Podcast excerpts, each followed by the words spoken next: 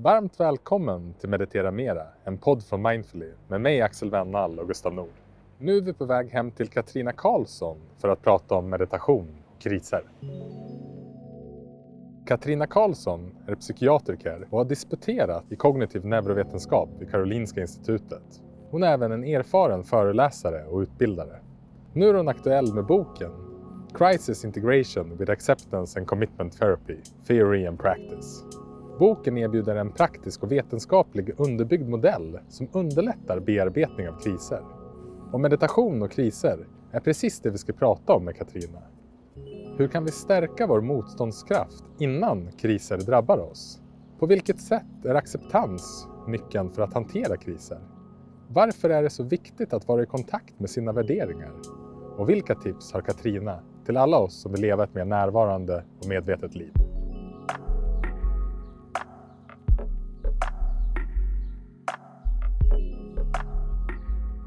Hej Katrina. Hej. Och tack för att vi fick komma hem till dig idag. Vi konstaterade precis att det här kanske är det bästa fikat vi har blivit bjudna på i Meditera Mera. Gör mig glad höra. Vi har fått käka pepparkakor och marsipankulor och eh, lussekatter och druckit både glugg och kaffe trots att vi spelar in i januari. Men det är inte 20, 20 knuten så att? Det var väldigt uppskattat. Det här är ju den tredje gången vi ses. Vi Just det. träffades för några veckor sedan och käkade lunch. Och sen har vi upptäckt och insett att vi var på samma retreat tillsammans. Vi var uppe i Avesta på ett kursgård som heter Orsofors på ett Vipassana retreat med två lärare som heter Katrin McGee och Janai Postelnik. Och det är lite kul för att det retreatet har vi faktiskt som ett avsnitt i podden. Jaha, Ja, inte med Katrin och Janai som var lärare, men med Gustav och mig. Så vi gjorde ett avsnitt där vi pratade. Vi pratade lite grann om våra förväntningar innan retreatet. Och sen pratade vi om våra erfarenheter efter. Och det var, det var Gustavs första Vipassana retreat och jag hade inte heller varit på så många innan. Så, att, så det är kul att eh, podden möts igen här med dig. det är alltid roligt. Ja. Vi ska ju prata med dig om kriser. Men innan vi hoppar in på dagens ämne så tänkte jag kolla med dig om det är okej om jag guidar en kort landningsmeditation. Det blir jättebra för mig också. Så jag, Katrina och Gustav, vi sitter i Katrinas vardagsrum. Jag och Katrina sitter mitt emot varandra på soffan. Gustav sitter på golvet vid sidan av oss.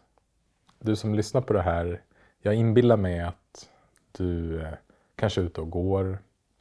Du kanske kör eller åker kommunaltrafiken, lokaltrafiken. Om du har möjlighet att stanna rent fysiskt, så gör det. Vi ska göra en kort meditation på bara ett par minuter.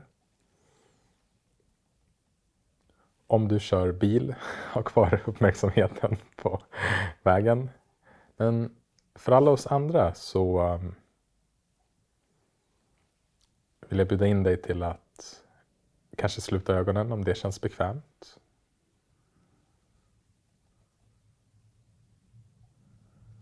Och sen bara börja med att gå med din uppmärksamhet och medvetenhet till dina händer.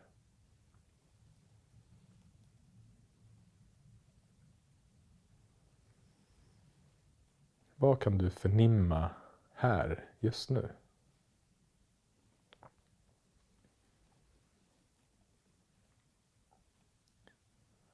Och se om du kan ha med dig ett nyfiket perspektiv. Vad förnimmer du i dina handflator?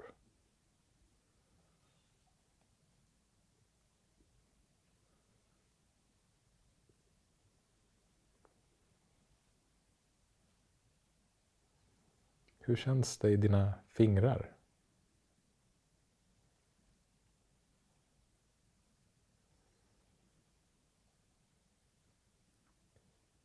Är det möjligt att känna någonting mot baksidan av händerna?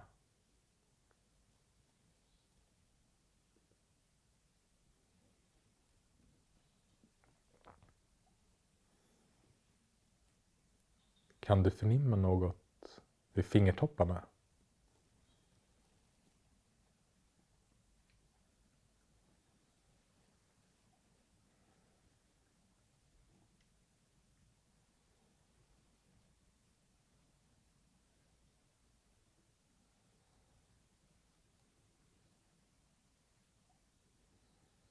Och den här korta landningsmeditationen kanske också kan fungera som en sorts påminnelse när du lyssnar på det här avsnittet. Att notera om tankarna vandrar iväg till någonting annat. Och då i samma stund som du upptäcker det, då kom ihåg att du återigen är närvarande och medveten. Och att du då har ett val vart du vill rikta din uppmärksamhet. Och att vi bara helt enkelt kan komma tillbaka med uppmärksamheten hit till samtalet. Om du har stannat upp rent fysiskt och kanske blundat en stund så kan du bara avsluta meditationen nu genom att öppna ögonen. Kanske vill röra lite på kroppen. Och komma tillbaka med din fulla uppmärksamhet vart du än befinner dig. Hej! Hej igen. Jättefint.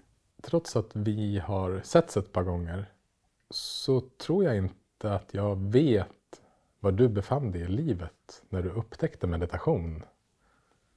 Skulle du vilja berätta för oss? Jag tror att det var när jag var sex. Att jag behöver gå tillbaka dit. För jag, eh, mina föräldrar är skilda. Min pappa hade träffat en eh, kvinna från Kalifornien på en av sina resor. Han bjöd hem henne till Sverige. Hon hette Marlis. Och mina föräldrar är snälla och nyfikna på sina sätt men hon hade en väldigt speciell sorts närvaro och eh, nyfikenhet när vi pratade. Eller ja, jag kunde faktiskt inte engelska då så det var mer att vi interagerade, så, så kan vi säga. Och jag, då formulerade jag det som att jag tyckte väldigt mycket om henne. Alltså jag blev helt betagen.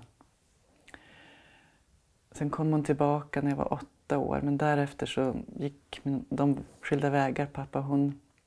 Men vi har haft kontakt hela mitt liv och hela hennes liv sedan dess. Så hon har kommit och hälsat på mig och jag har rest till henne i Kalifornien. Och eh, ju äldre jag blev så blev, formulerade jag det som att hon var en inspirationskälla och det, som att hon hade någonting som jag ville ha i mitt liv.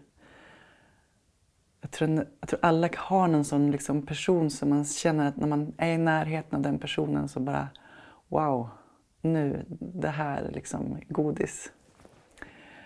Eh, så när jag, på mina resor till Kalifornien så gjorde vi massor med roliga...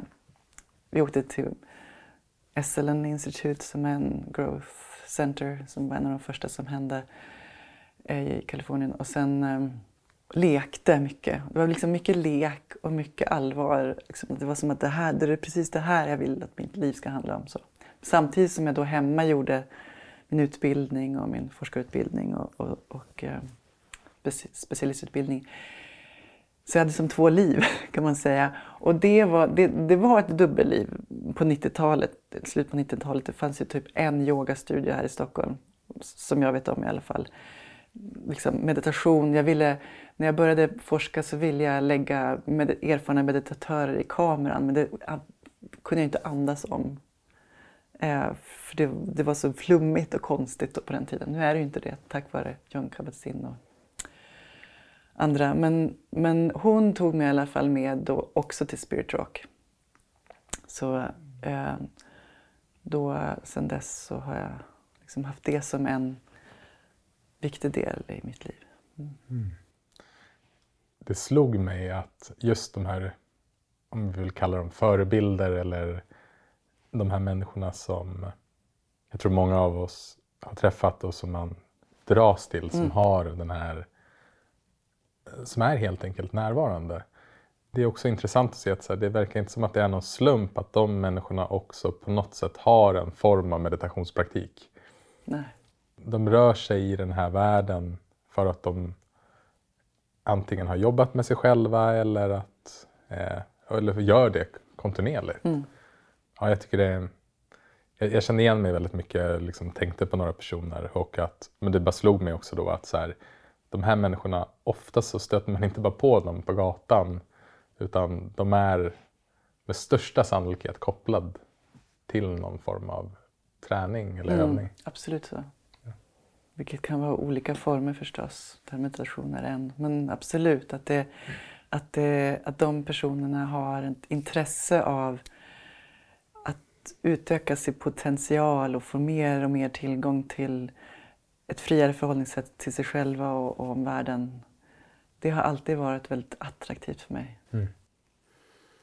Och du nämnde två eh, retreatplatser i Kalifornien, eh, Silent Institute som jag har förstått har en ganska varierad, erbjuder olika varierade former av andliga eh, praktiker och sen Spirit Rock som eh, startades av Jack Hornfield och är en mera vipassana, ett vipassana center. Mm. Hur har din egen praktik sett ut efter de här resorna till USA? Vad, är det någon speciell meditationsform som du håller dig till idag och som eh, eh, du själv praktiserar? Ja, det är då Jack Cornfield och Joseph Goldstein och eh, Sharon Salzberg och Christian Fältman i England. De, de kom ju från Sydostasien och, och det de sen liksom gör och lär ut har de ju kallat för insight meditation. Och det är den grenen då som jag följer och då, och, eller mediterar inom. Och då har det ju varit lärare som kommer till Sverige eller så har jag rest till England eller Frankrike och gått, åkt på retreater. Så det är den, och så lyssnar jag på poddar, då gissar jag att man kallar det för meditationer och dramatalks från de här lärarna som finns nu tillgängliga. Förut så var det så att jag fick åka och så fick, fanns det i källaren såna här CD-skivor som man kunde få köpa för 10 dollar eller något sånt där. Jag hade inte så mycket pengar så att jag, det var ju som en jag fick välja några stycken och så, så lyssnade jag på dem om och om, om, om igen hemma i Sverige. Alltså nu, nu finns det mer, nu kan jag välja och vraka som ett smörgåsbord, det är underbart. Mm. Vilka skulle du säga är dina andliga förebilder? I den grenen. Ja. Eller generellt? Alltså den person som jag lyssnar mest på det är Matthew Brensilver. Han är, jag skulle gissa att han är 40-50 års åldern och sånt där. Ganska, en ny generation Eh, och jag lyssnar mest på honom för att han är en fantastisk röst. Så bara han liksom säger en mening så är det som att, att det är som, ett, som en cue för mig att komma i någon sorts vila och uppmärksamhet samlad. Eh, sen är det förstås alla de här pionjärerna som, som gjorde det från början när det var helt nytt och de var, det skulle bara vara konstigt. De är för mig förebilder. Eh, Jack Hornfield då förstås, som jag nämnt. Och Ramdas som var den här Harvard-professorn som bara du vet, provade alla möjliga droger och flippade ut helt och hållet. Men, men han var ju väldigt, väldigt viktig också i början där med, med sin bok Be here now. Jag har lyssnat mycket på honom, han är väldigt rolig. Det liksom lättsamt förhållningssätt till, till det svåra som livet är med honom också. Så ungefär skulle jag säga. Jag tycker Thich Nhat Hanh, ja, också fantastisk i sin livsgärning förstås. Mm, och sen så fick det, finns de här yngre generationen, Catherine McKee och Janai som kommer till Sverige mycket. Har, har varit min, en av liksom, de mera kontinuerliga lärarna som jag haft personligen. Mm. Du har ju skrivit en jättefin bok om akt och kris. Mm. Om jag skulle liksom ge den ett kort, beskriva den på kortast möjliga sätt. Som jag har haft förmånen att få läsa inför att vi träffas. Det är ju en akademisk bok, men trots att det är en akademisk bok så är den ju eh, relativt läs, eh, lättläst. Och det vet jag att du hade som intention när du skulle skriva boken också och det har du ju verkligen lyckats med. Men hur kommer det sig att du skrev den här boken?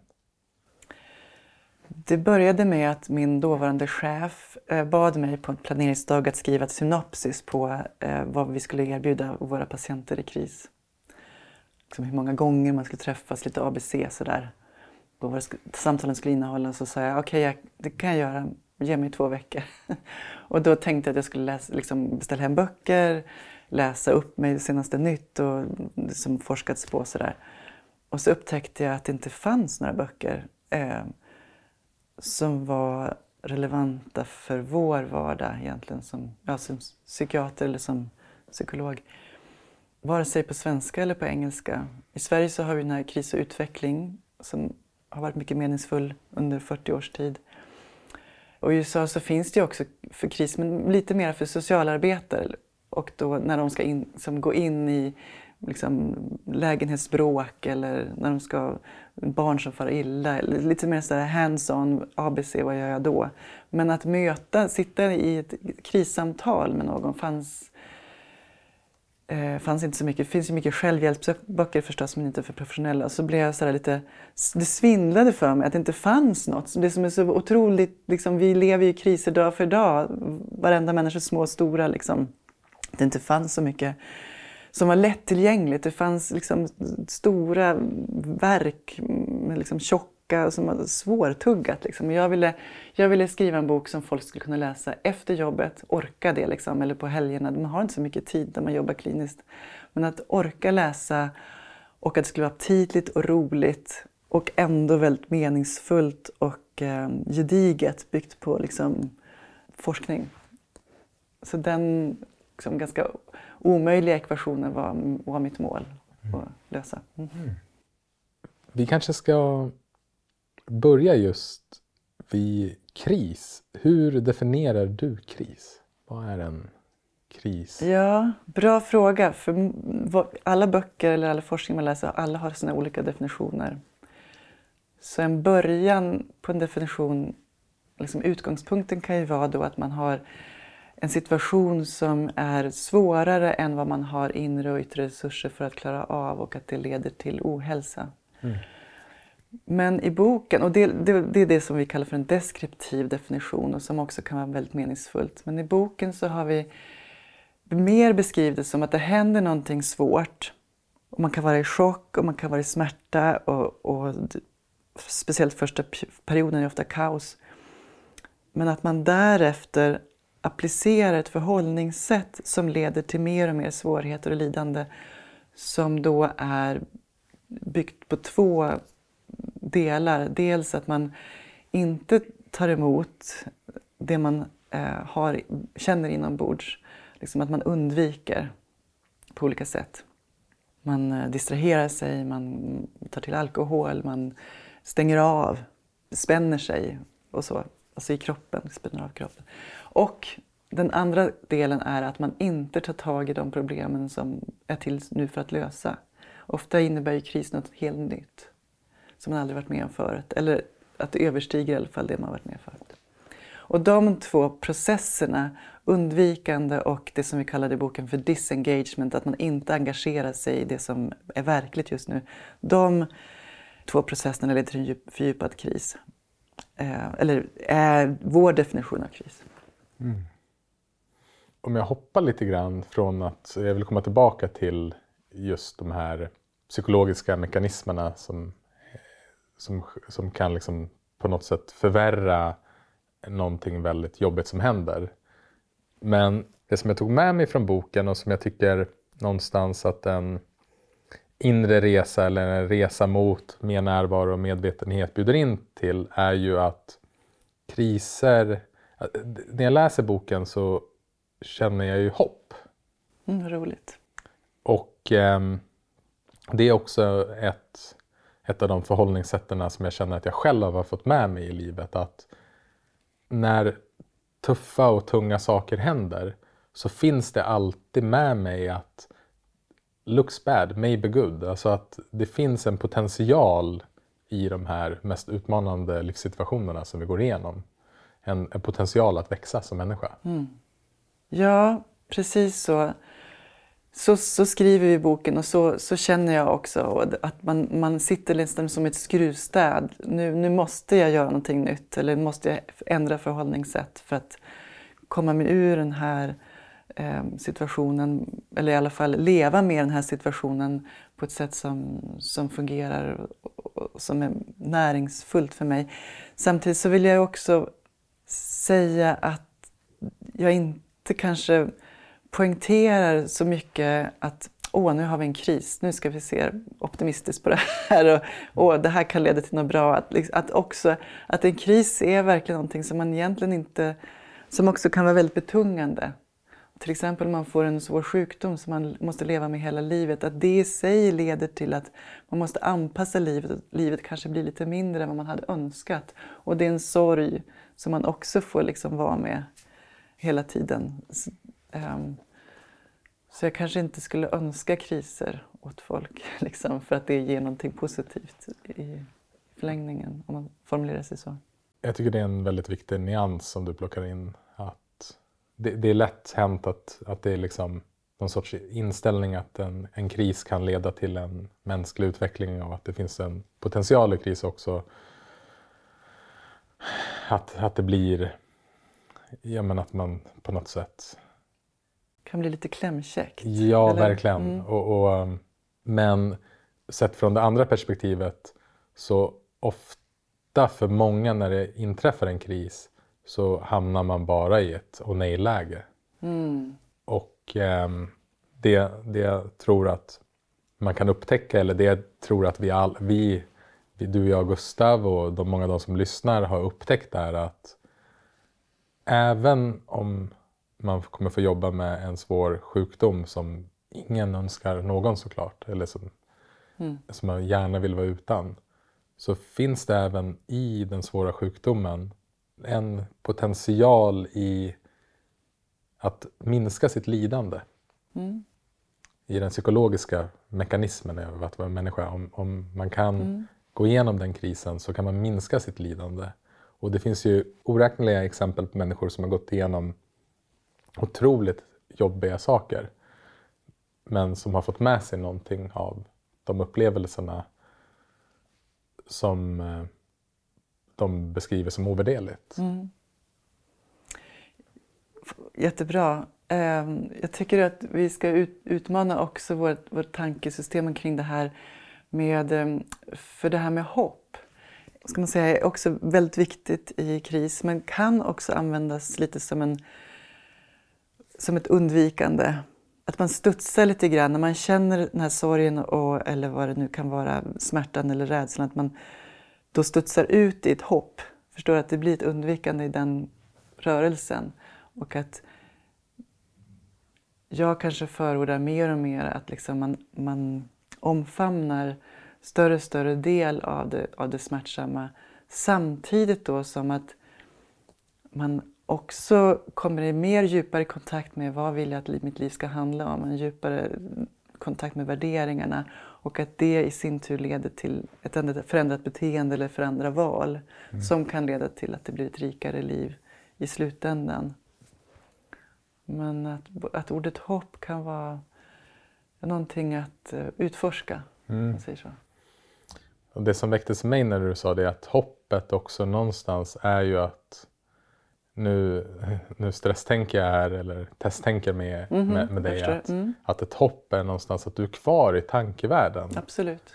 Mm. Eh, och, och, det kan man ju såklart använda på ett skickligt sätt. -hmm. Att se att så här, men det finns alternativa möjligheter för mig hur jag kan må och känna och agera i livet. Men om jag bara är kvar i tankevärlden då går jag ju miste om utvecklingen. Absolut så. Mm. Ja. Du var lite inne på, på just det här med att komma i kontakt med sina värderingar och det är ju det sista kapitlet i, i boken men det kändes ändå relevant att vi kanske ska ta upp det direkt. För mm. det är ju mm. mycket mm. också av vad ACT handlar om. Mm. En, en viktig dimension i mm. ACT att, att komma i kontakt med sina värderingar. Mm. Skulle inte du kunna berätta lite grann om det du har sett i den forskningen som du har läst på om och vad du själv har skrivit om i boken om vikten av värderingar mm. när vi kommer i kriser? Jag tror att det var en av de sakerna som gjorde mig väldigt inspirerad till att göra, skriva den här boken. För att en av de bättre böckerna jag läste kallas, heter Resilience. Många böcker som heter Resilience, men just den här var skriven av Southwick och Charney. Och de hade intervjuat då, gjort djupintervjuer, eh, krigsveteraner som de har väldigt mycket i USA och spaltat upp liksom tio olika saker som hjälper i kris. Och då var det eh, altruism var en sån punkt och eh, meaning and purpose var en sån punkt. Och jag kommer också från den nonviolent communication-hållet som är en kommunikationsform som bygger mycket på att man är i kontakt med sina värderingar eller behov och kommunicerar dem och på så sätt skapar kontakt och kanske lyssnar in den andras värderingar. Det är liksom 90 procent av kontakten i en, i en relation är när man får kontakt med den andra personens behov eller värderingar. Så det var en väldigt stark lampa som lyste upp när jag, när jag såg den forskningen. Och det var inte bara då de här djupintervjuerna, man har också sett eh, sån här prospektiv forskning. Till, till exempel efter 9-11 så intervjuar man då väldigt stora populationer i New York om vad som, hur de förhåller sig till livet och sådär. Och, och kunde se då, korrelera, vad är det som korrelerar med hälsa respektive ohälsa. Och där pratar de mycket om värderingar, meaning, purpose, and altruism and gratitude. Som vi svenskar inte fortfarande är lite nya inför att använda, kan jag ibland uppleva. Mycket bättre nu, men, men i USA är de ju lite mer framkant på det. Och då i akt är det också en väldigt stor, som du säger då, en, har en stor tyngdpunkt på värderingar. Och committed action, att man också gör, inte bara i kontakt med värderingar, utan man också handlar som man tror ska uppfylla de här behoven. Man får alltid testa sig fram, det är inte säkert att det går som man vill, men, men man har i alla fall en yttre engagemang i världen. Om man kommer i kontakt med dem, med sina behov som kan vara ja, men allt ifrån lite närhet och, och, och innerlighet till, till de fysiska behoven eller till eh, tillit, kontakt. Alla de här orden som är, gör att man blir lite glad av att höra. Om man är i kontakt med dem och sen upplever väldigt mycket smärta så kan man lättare bära smärtan, är min erfarenhet. Så, så det liksom goes both ways. Man är i kontakt med behoven och då kan man stå ut med att ha en lite större behållare för smärtan. Och när man har en större behållare för smärtan så kan man Eh, Eh, prova nya saker bättre. Alltså man står ut med att man bumpar huvudet i väggen någonstans. Ja, det här var något nytt, jag var inte så duktig på det här och jag fick lite feedback som har ont att göra. Men man, så går man tillbaka, man växlar så mellan acceptans och engagement i att vara engagerad i sina värderingar. Mm. När jag läste det så tänkte jag på det själv, jag har liksom blivit påmind om det nyligen att när jag själv kommer i kontakt med mina djupaste värderingar så är det som att det är någonting som blir stilla i mig. Eh, alltså, det som händer i både min yttre, framförallt min yttre värld, men även min inre värld. Det är som att det inte greppar tag i mig lika mycket när jag påminner mig själv om just det, men det här är ju det som jag värdesätter djupast och kommer i kontakt med det så, så det, det kan jag verkligen se. Kan man också se då att åt andra hållet, att de människor som är i kontakt med sina värderingar, att de har en större motståndskraft när det kommer till kriser? Ja, så, så, sådan forskning finns det. Ja. Mm. Så det går åt, för det, för det är det jag tänker också det här med att, då på tal om den potentialen som eventuellt finns vid, när man drabbas av en kris, att om man får tillgång till de här verktygen som vi pratar om nu så kommer du också förhoppningsvis få kontakt med dina värderingar. Absolut så. Och, och där i finns det en jättestor potential. Mm, ja, verkligen. Ja. Och att förändra sitt liv och, och se till att det handlar om det man vill att det ska handla om när man lägger sig ner och dör, dör sen. Men det, här, det här har jag left behind, det här har jag lämnat efter mig, det är det jag ville. Vad skulle du säga att dina viktigaste värderingar Oj. Väldigt bra fråga. Caught me off guard. Förlåt att jag pratar så mycket engelska. Jag har levt i den här engelskspråkiga världen mycket. Um, oh, ja, men alltså att vara... Ordet sanning är ju... Uh, kan man eh, se på flera olika sätt, men att göra det som är sant för mig i varje stund så gott det går. Man lär sig hela tiden och det blir liksom en iterativ process. Ja, men det här kändes sant men det kanske inte var riktigt sant och så får man justera det. Jag vill också bidra, liksom att ge ut det jag kan bidra med. Alltså det är en väldigt stark motor för mig att, att komma till användning på det bästa sätt som jag kan och ge. Ja, men ytterst så handlar det om, tänker jag, visdom och kärlek. Och koka ner till det, liksom, om man tittar på de djupaste behoven. Mm. Tack.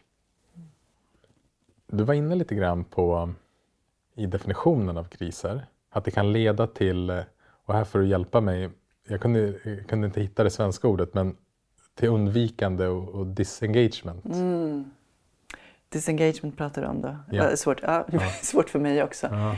Eh, men disengagement som vi, liksom, ett samlingsnamn för det som handlar om att göra det som man tidigare har lärt sig efter tidigare förvärvad kunskap men som inte riktigt passar nu. Det kan handla om att man kör sina rutiner, sina spår, sina, man gör det man brukar göra om och om igen.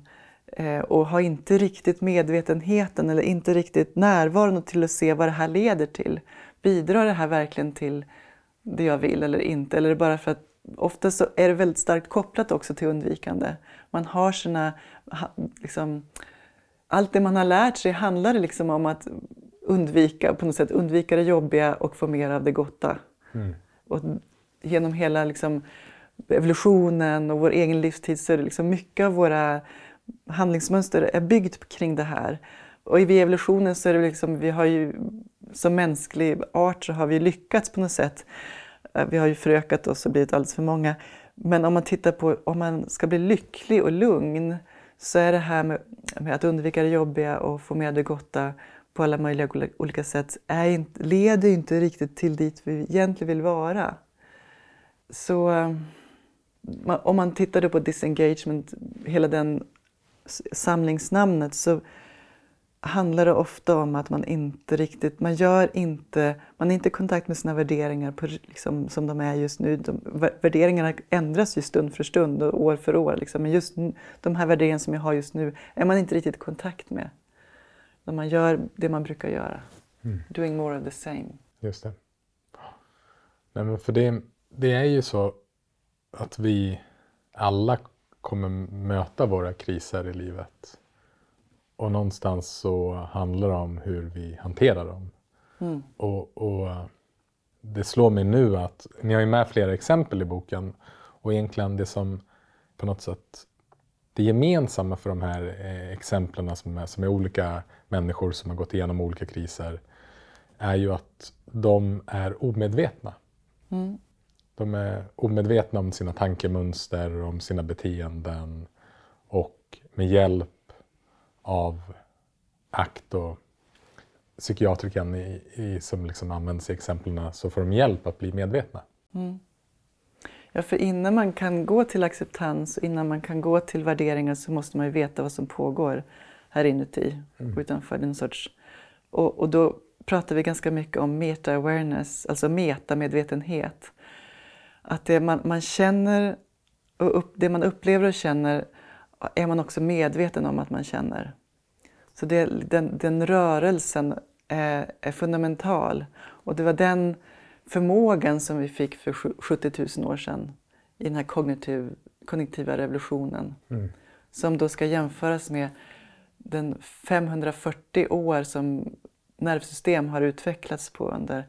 Så så nervsystemen har ju utvecklats med add-ons, alltså pålagringar. Men det börjar med, med det mest fundamentala och sen så kom det här med att man kan lära sig via trial and error och eh, associationer. Och sen kommer det här med att man kan lära sig via språk och modeller. Och sen, för 70 000 år sedan, så kom det här med att man också kan tänka om sitt tänkande, alltså metakognition, eller man kan vara medveten om vad man känner, meta-awareness. Och det är den som man måste koppla på i alla lägen och trolla fram. Om man, om man är liksom i en relation med någon som lider, att ens uppgift är att hålla den här medveten, metamedvetenheten levande och locka fram den hos den man möter. Mm.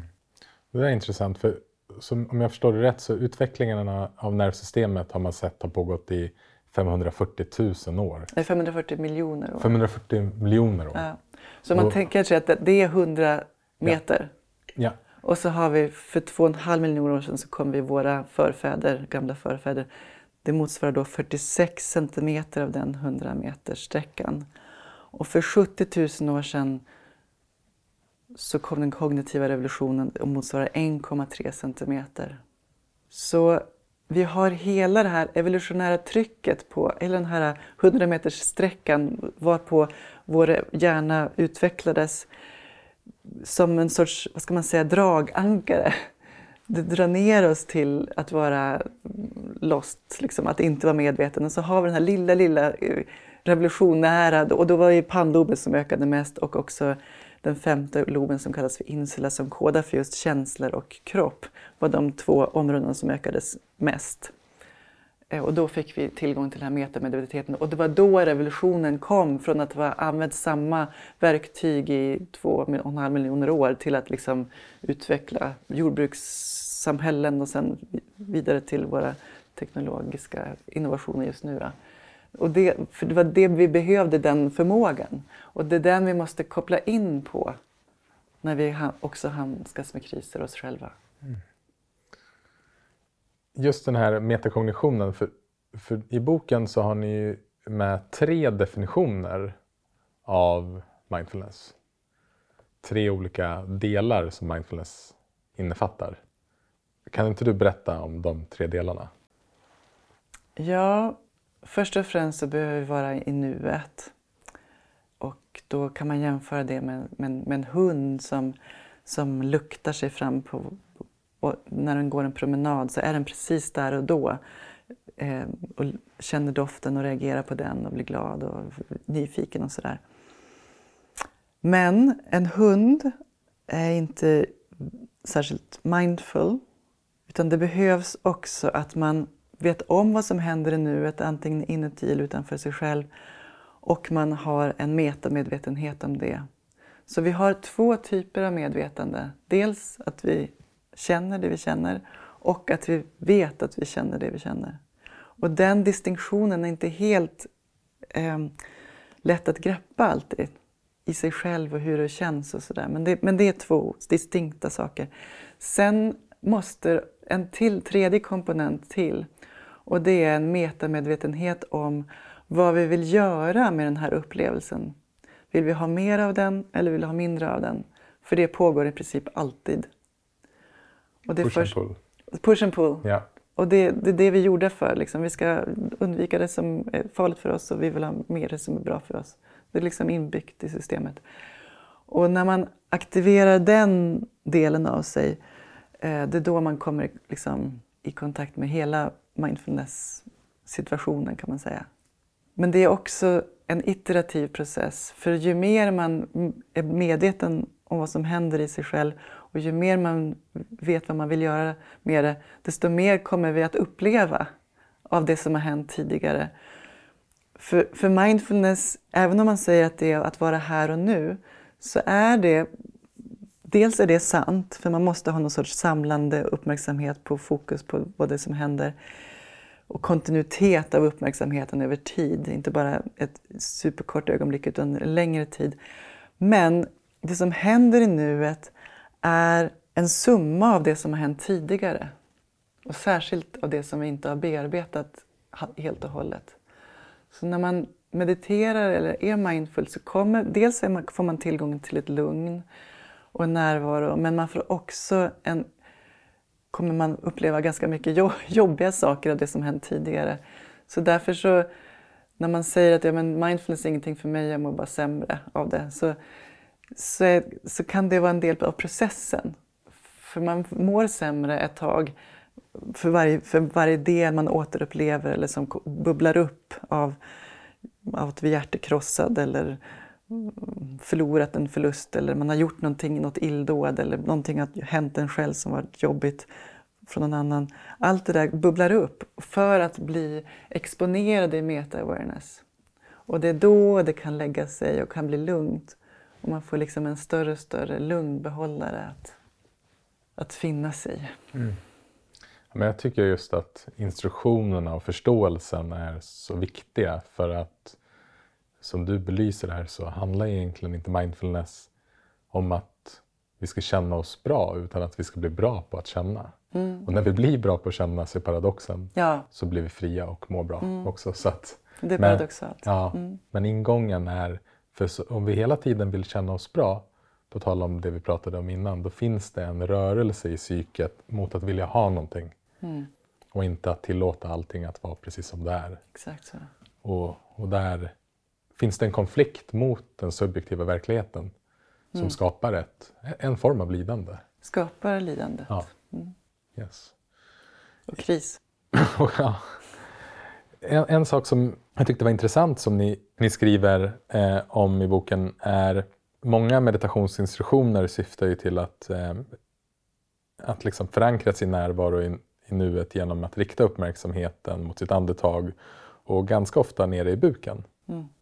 Men ni skriver att om man är i kris så kan just området runt magen eh, skapa stress och, och det är kanske inte helt fördelaktigt att rikta sin uppmärksamhet dit utan att försöka hitta andra platser som kan vara mer lugnande. Ja, för en del funkar fortfarande andetaget. Jag vet inte om man, men för en del så känslor ligger ofta då i, i bålen.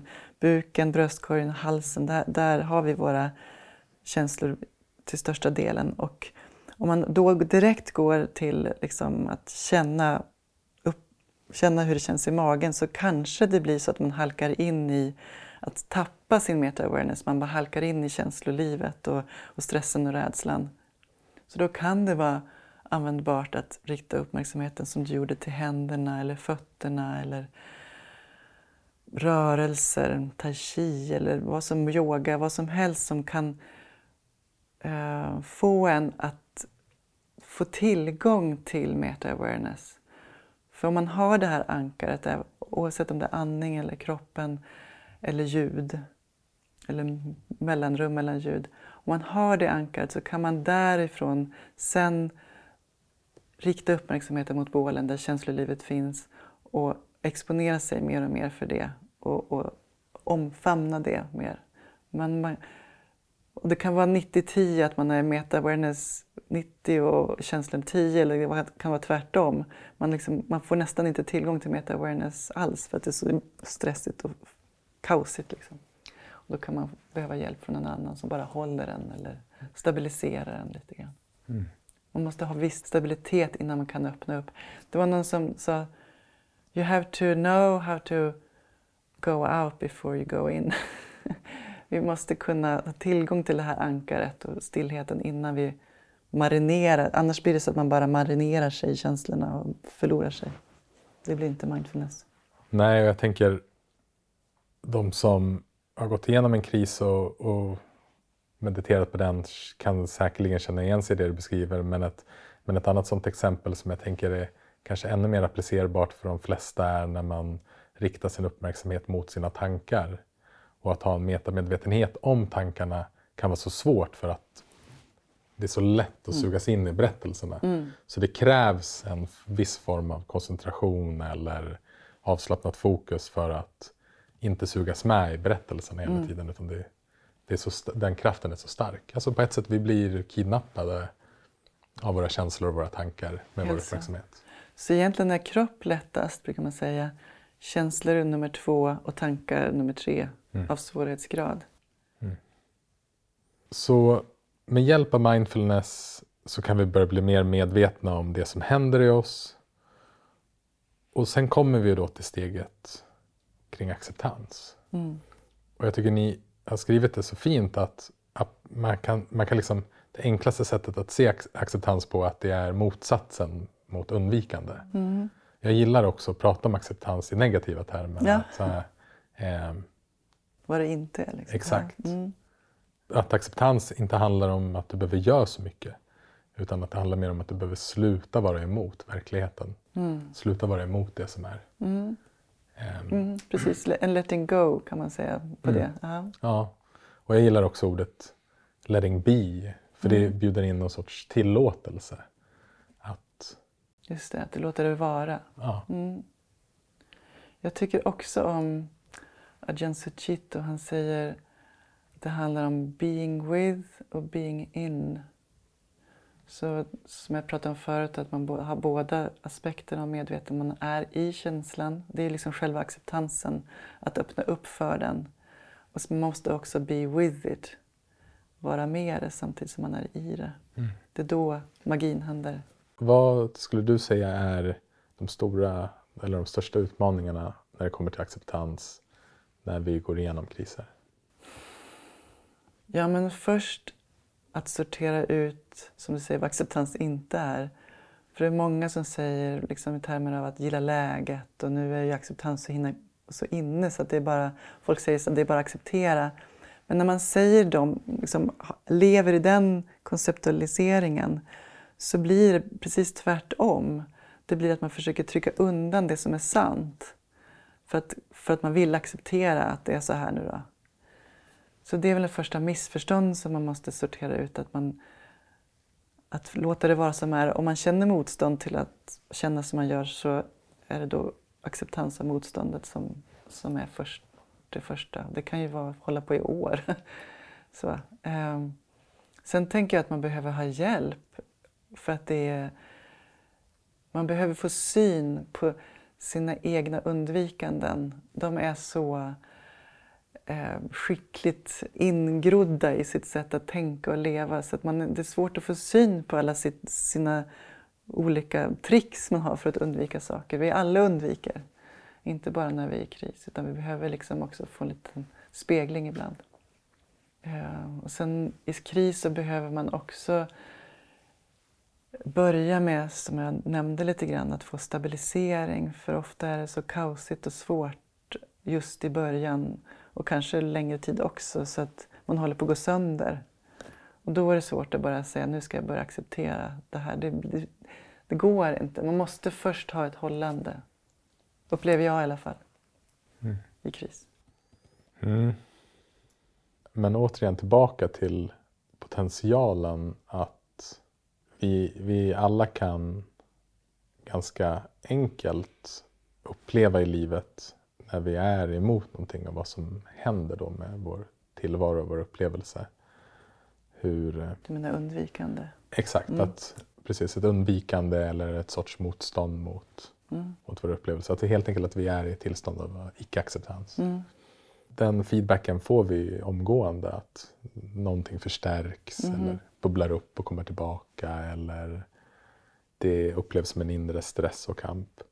Och där tänker jag återigen att när man är i en kris och, och man lyckats acceptera det så har man ju ökat upp sin kapacitet för acceptansen Absolut, man har verkligen stärkt den. som kommer att hjälpa en framöver i livet också. Att Absolut. kan jag acceptera den här stora krisen jag går igenom så bör det i alla fall vara lättare att Mm. kunna acceptera när ens partner inte plockar upp i, i diskmaskinen eller Mm. något liknande. Mhm. Absolut. Man, man pratar väldigt mycket om nu som en tolerans. Att liksom ens förmåga att tolerera och härbärgera och, och det ökar och att det är ju någonting som men leder till större lugn och närvaro och förmåga att ta emot andra och sig själv. Det är väl det som vi lockas så mycket av. När vi, om vi kommer tillbaka till där vi började, av de här personerna som har gjort mycket av det här arbetet. Att det blir väldigt lugnt att vara med dem. Ja, det, det kommer tillbaka till acceptans hela tiden tycker jag.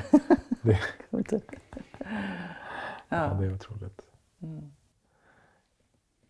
Det, det, finns, det finns så mycket matnyttigt och klokt i er bok. Ehm, vi kommer inte kunna täcka allting här, här och nu. Finns det någonting som du känner att du skulle vilja ta upp om kriser som du har skrivit i boken? Mm. Som inte varit inne på än. Ja, men om man pratar hands-on så, så det finns ju mycket teorier som vi inte har berört som jag tycker berikar till exempel att vi går in på predictive coding som är en stor del i nervvetenskapen nu, hur, hur man kan förstå mindfulness utifrån det.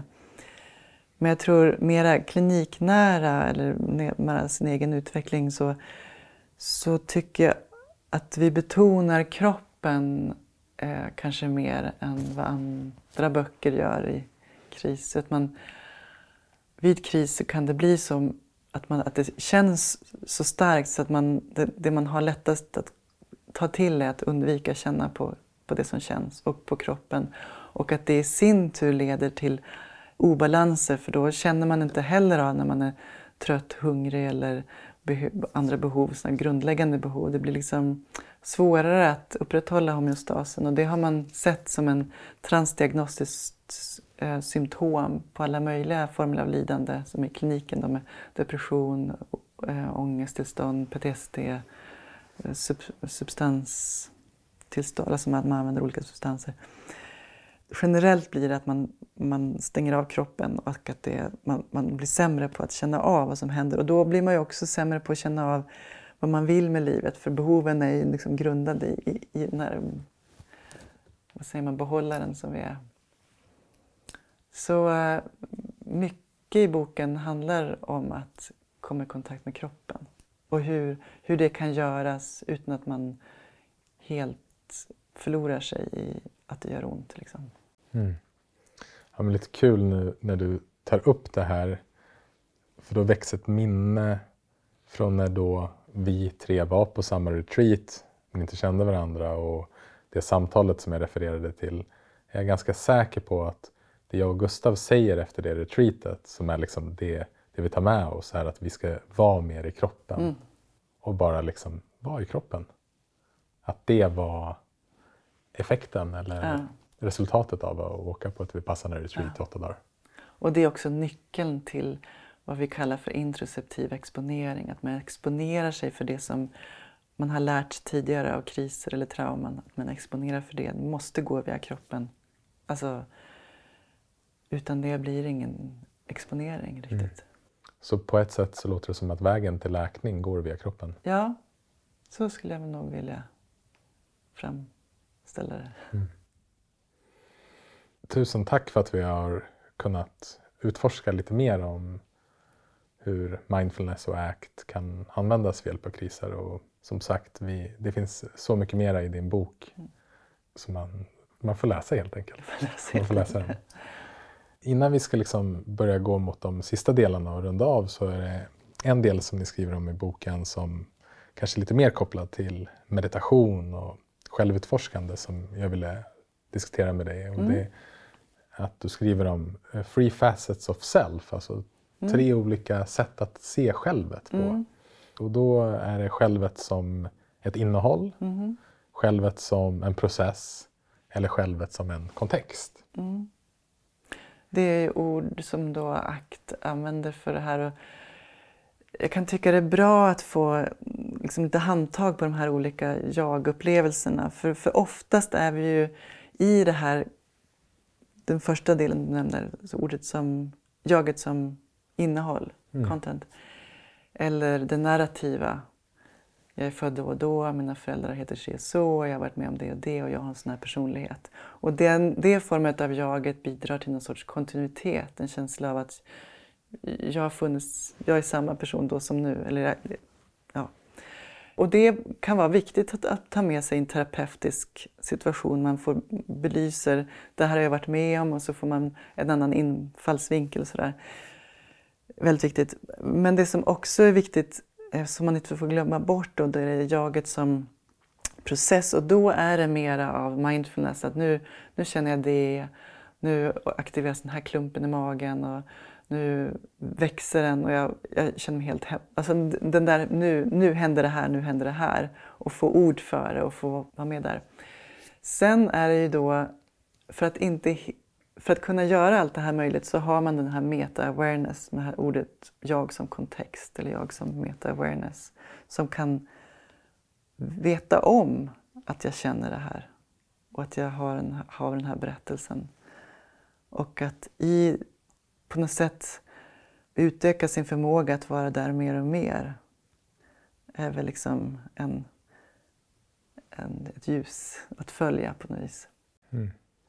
Jag blir lite nyfiken om, om du skulle sätta in eh, buddhisternas insikt om anatta, no self, ja. i, den här, i den här beskrivningsmodellen. Ja. Hade du satt in den då som att eh, jaget är kontexten? Eller tycker du att den liksom är någon annanstans? Nej, jag tycker att den hör där hemma. Ja. Och att igen, att det är en iterativ process. För man tror att man är där uppe. Nu, nu är jag helt meta-aware men, men det är alltid lite färgat av undvikande eller klinging. Liksom mm. vill ha mer. Och att okej, okay, ah, nu ser jag det också. Ah, nu, så, så den här liksom ökar sin klarhet kan man säga med, ju längre man orkar hålla på. Mm. Tack, det var, det var spännande att få höra. Jag var nyfiken på hur du såg på dem. Och jag, tyckte, jag tycker det var en fin, fin beskrivning om hur jaget är förändligt utifrån vilket perspektiv vi har. Mm. Vi har en del i podden som vi kallar för Fem snabba. Right.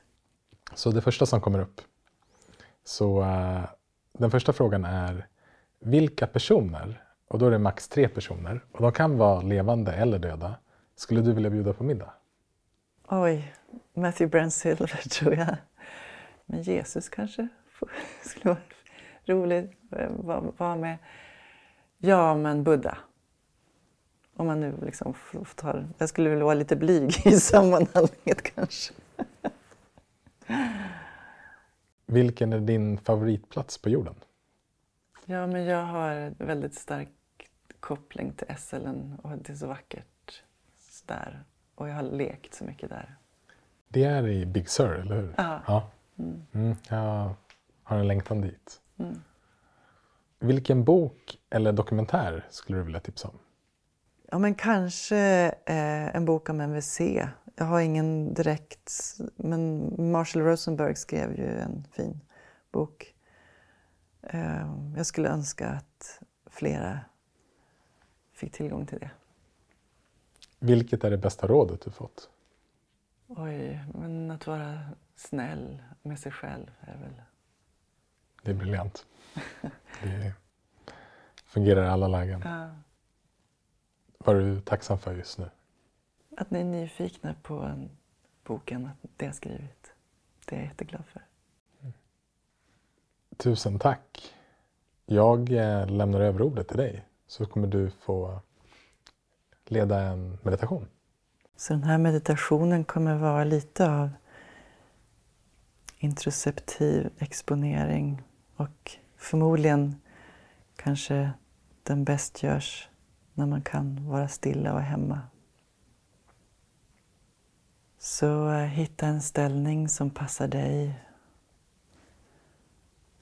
Jag kommer att guida till en sittande position i sig tre, fyra minuter. Men om du behöver vila så ligg gärna ner och se till att det är varmt och skönt.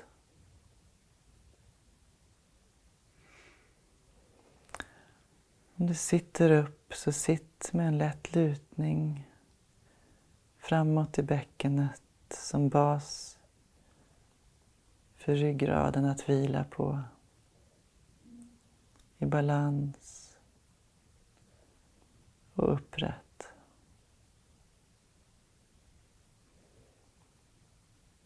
Om det känns bekvämt så kan du sluta dina ögon. Eller så har de mjukt fästa på någonting framför dig, blicken.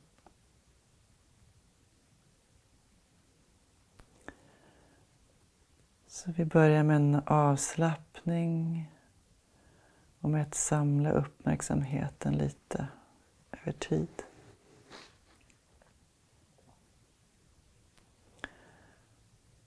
Du kan rulla axlarna några varv bakåt och framåt. Så lägg sedan skulderbladen på sina platser bak till. Och känn sittbenen där de möter stolen. Och hur kotorna staplar sig ovanpå varandra. Från bäckenet ända upp till huvudet som läggs sist ovanpå den översta kotan.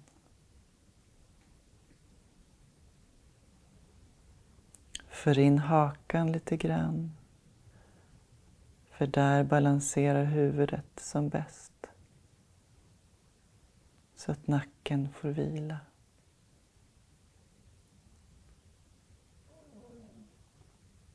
Och låt ansiktet bli mjukt. Kanske kan du släppa några spänningar runt ögonen, runt munnen, och tandraderna kan släppa från varandra. Tungan släpper ifrån gommen och tungspetsen kan vila bakom de översta, de övre framtänderna.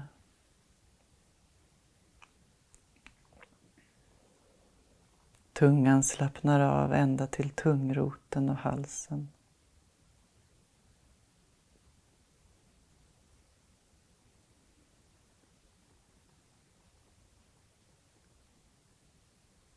Nacken är lång.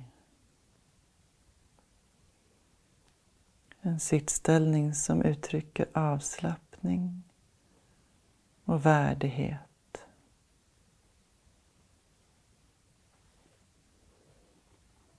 Känn gravitationens lugnande inverkan. Tungt vilande ner till och lätt upp till.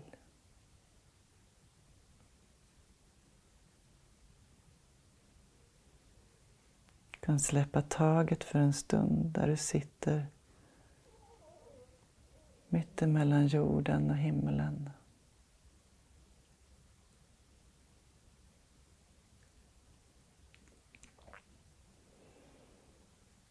Därefter kan du följa andetaget i magen.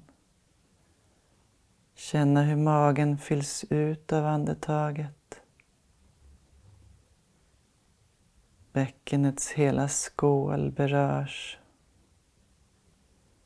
och sen töms.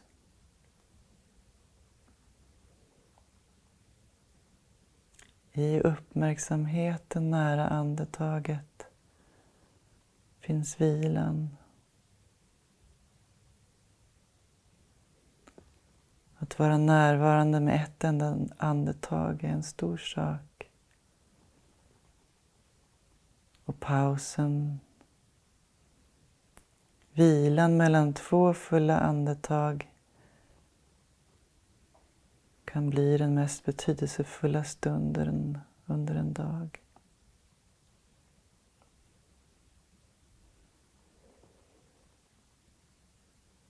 Ibland är det så att ett annat ankare för uppmärksamheten än andningen passar dig bättre.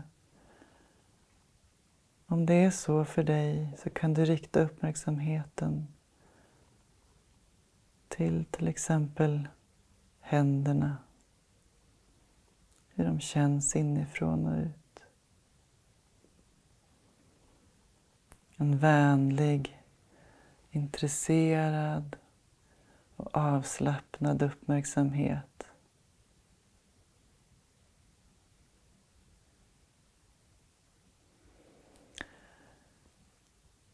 Nu när uppmärksamheten är lite mer samlad så för den till bålen, nämligen bröstkorgen, magen och halsen och fråga Hur känns det här inne? Finns det något som önskar min uppmärksamhet?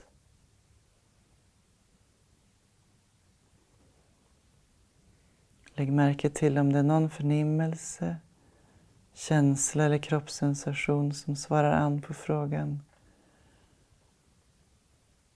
Och se om du är villig till att vara med dem för en liten stund.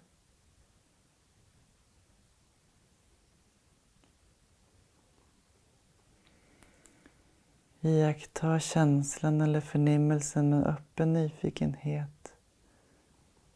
Som om du inte stött på något liknande förut. Och som du ville utforska och välkomna. Du kan säga hej till känslan. Hej, jag vet att du är här.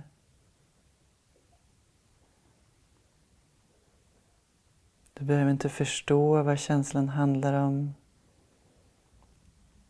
Bara låt den veta att du är mer än en stund. Är nyfiken. Att du vill lära känna den.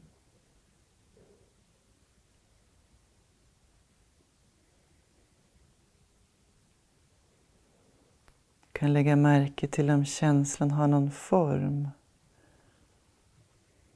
Till exempel om den är platt eller tjock. Om den är luftig eller tät. Vad är den som mest intensiv? Som svagast? Bara utforska lite.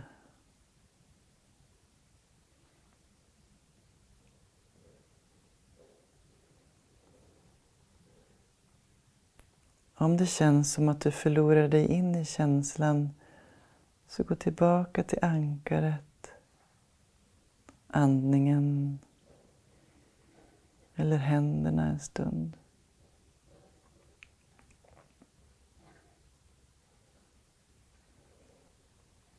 Vänd sedan åter den inre blicken mot känslan och håll känslan i uppmärksamheten ömt, kärleksfullt och rimligt.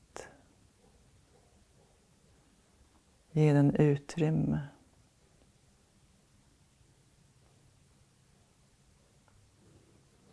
Se om det är enkelt att låta känslan få finnas, hållas och göras rum för. Eller om det finns en tendens, aldrig så liten, att försöka förändra bli av med den eller till och med trycka bort den. Du kan i så fall rikta din varma, ömma uppmärksamhet till motståndet. Eller om det är enkelt, älska känslan eller motståndet Älska det till världens ände så gott du kan.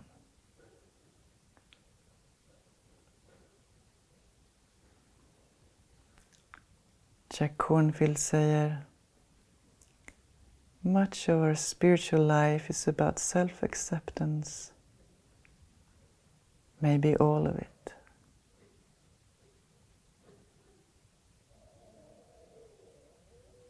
Därefter kan du lägga märke till resten av kroppen.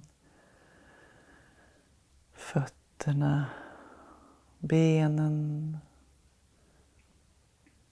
sittbenen, bålen, armarna, nacken och huvudet.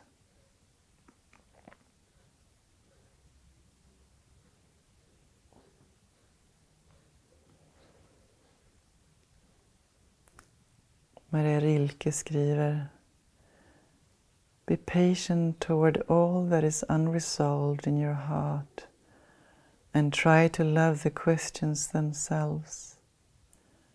Like locked rooms and like books that are now written in a very foreign tongue. Do not seek the answers that cannot be given you because you would not be able to live them And the point is to live everything.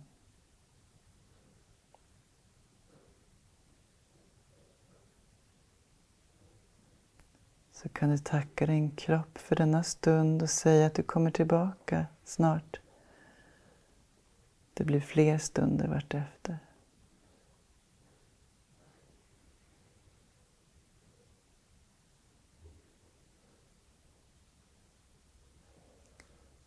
Och när det känns färdigt så kan du öppna dina ögon igen. Mm, det var skönt. Tack. och återigen, tusen tack för att vi fick komma hem till dig idag och utforska meditation och kriser. Det har varit ett nöje. Tusen tack själva.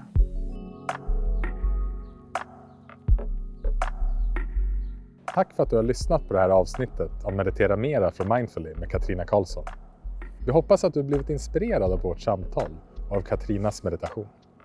Om du vill komma i kontakt med Katrina så hittar du hennes kontaktuppgifter på vår hemsida mindfully.nu. Och är det något vi har tagit med oss från vårt samtal med Katrina är det vikten att vara i kontakt med sina värderingar. Ta hand om dig så hörs vi snart igen.